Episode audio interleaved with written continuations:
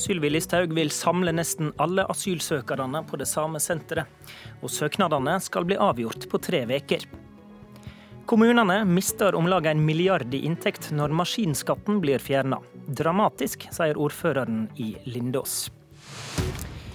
God morgen og velkommen til Politisk kvarter. Regjeringa vil legge om hele mottaket av asylsøkere her i landet. Mens de til nå har kommet til asylmottak over hele landet, skal de nå bli samla i ett stort mottak i Råde i Østfold.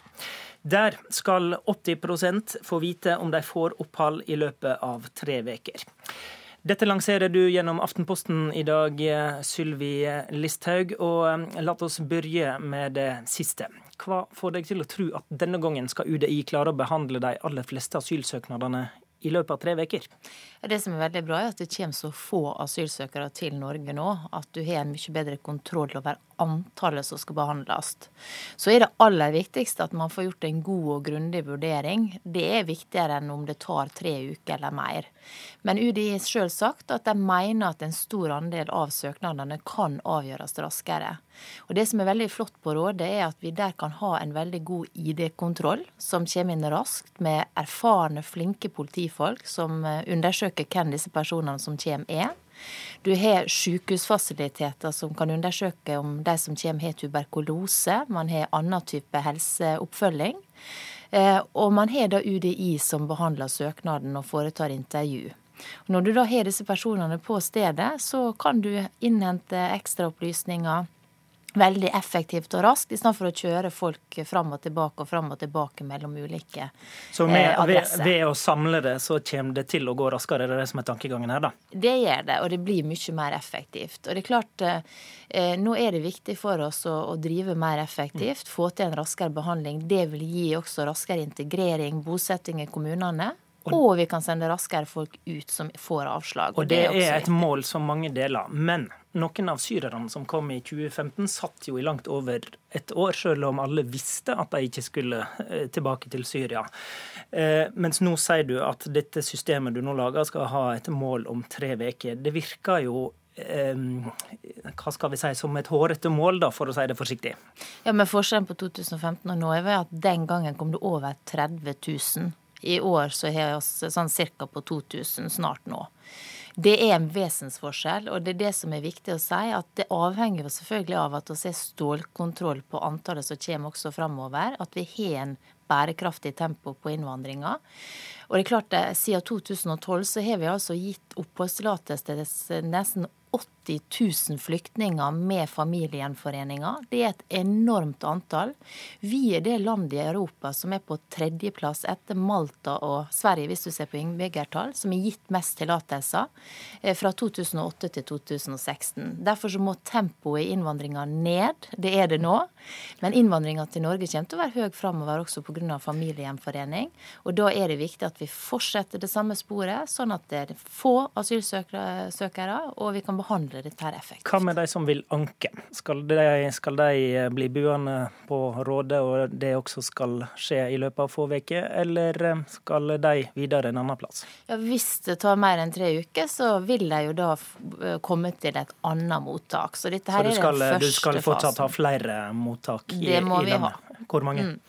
Det vil avhenge av hvor mange som vi har, som kommer til Norge. Og det vil jo UDI til enhver tid vurdere.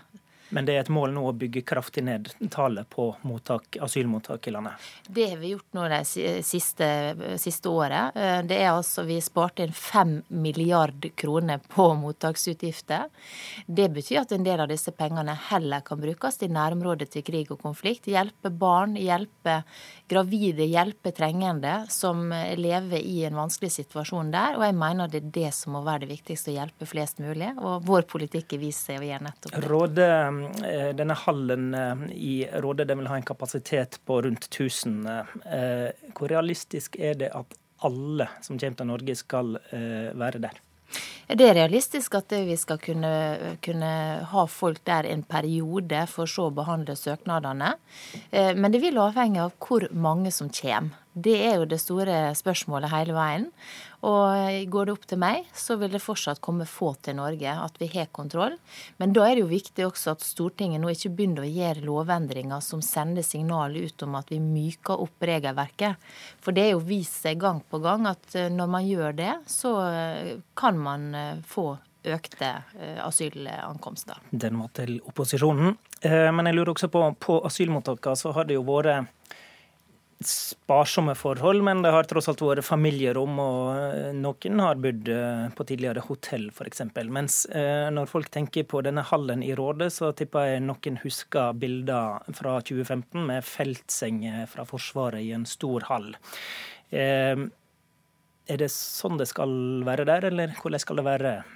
Ja, det vil jo være enkle fasiliteter. Og jeg tenker at hvis du kommer til Norge, du har flykta fra krig og konflikt, så må det jo være fantastisk å få tak over hodet, få mat, få oppfølging fra helsepersonalet. Skal det være teltleir i en hall? Eh, der er da telt eh, i den leiren som man kan bo inni. Og så vil vi gjøre noen investeringer der ute nå for å, å ja, ruste opp tilbudet ytterligere. Men noe luksusforhold kommer det ikke til å være der. Det er nøktern og grei standard. Og jeg vil tro at dersom man flykter fra krig og konflikt, så er det et fantastisk sted å komme til der du kan få hjelp. Takk for at du kom til Politisk kvarter, Sylvi Listhaug.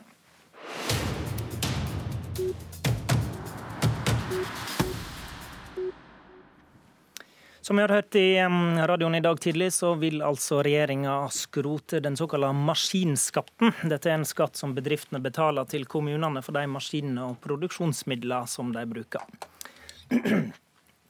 God morgen, Astrid Aarhus Byrknes. God morgen. Du er ordfører i Lindås kommune i, i Hordaland. Eh, som eh, bl.a. er vertskap for eh, industrianlegget Mongstad. I går var du i Oslo og snakka for åtte oljekommuner som fortsatt vil ha denne maskinskatten. Hva er det som står på spill for dere? Ja, Nå snakker jeg på vegne av veldig mange kommuner, ikke bare de åtte, men vi er faktisk over 300 kommuner som er berørt. For denne maskinskatten, som en kaller det, er jo skatt på industri, på store installasjoner. Det er ikke på små maskiner og løsøre dette er snakk om. Så dette betyr veldig mye for, for kommunene, men ikke minst så vil jo denne nye innretningen som eh, regjeringen nå ser for seg, komme veldig dårlig ut for resten av næringslivet. På hva slags måte da? Fordi at nå er det eh, eiendomsskatt på verk og bruk, som det heter i lovverket. Eh, og da trenger en ikke ha eiendomsskatt på næring f.eks., eller på hus og hytter, hvis det er det er jo et valg en kan ta. Men når en nå legger vekk verk- og bruksskatten, så må vi, skal vi beholde det som er igjen i forhold til tomt og bygninger, så må vi faktisk innføre eiendomsskatt i hele kommunen på næring.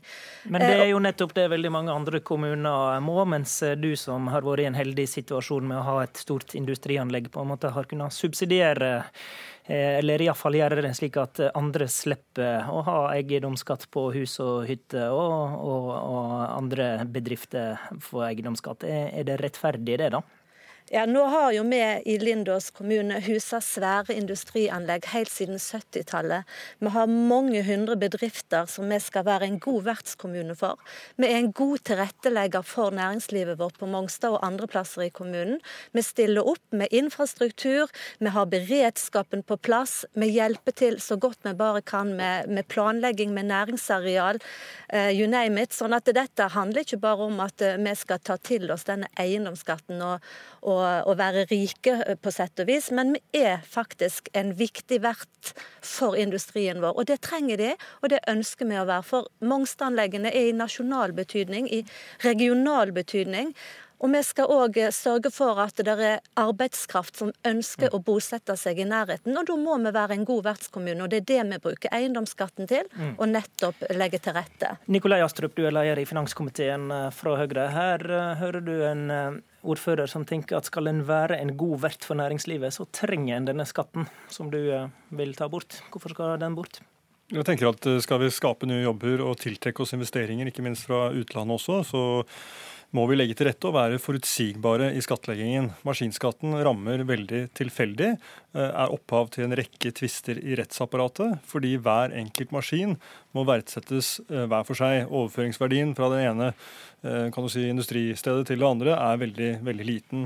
Og Det har gjort at vi har hatt mange merkelige utslag de siste årene. Vi hadde f.eks. et tapperi på Gjelleråsen hvor tappeutstyret for øl ble skattlagt, mens tappeutstyret for mineralvann slapp skatt. Vi hadde vindusprodusenten Nordan som var i lagmannsretten nå i september. Eh, og fikk kuttet maskinskatten med 95% etter først å ha blitt ilagt full skatt eh, i tingretten. Men det, er det, det, er vilkår, det, er vilkårlig, da? Er det fordi ja. kommunen gjør en dårlig jobb med skattlegging av det? da? Eller? Det er fordi at hver enkelt maskin må vurderes eh, hver for seg, og overføringsverdien mellom kommunene er liten. og Det betyr at og med den teknologiske utviklingen vi nå ser, hvor maskinene må byttes ut i stadig raskere tempo, så kommer dette til å oppstå fordi det er skjønnsmessige vurderinger som ligger i bunnen. Nemlig. Byrknes, er ikke det et poeng at dere, dere antageligvis skattlegger litt vilkårlig, og at det blir vanskelig for næringslivet også i din kommune å forholde seg til dette?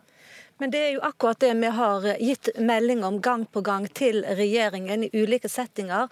At vi òg ser at vi trenger mer detaljerte regler. Vi ser at, at, dette kan slå feil ut. Men det som her blir sagt, er at en bare skroter en skatteordning som har vært eh, mange, mange år, uten å se på konsekvensene.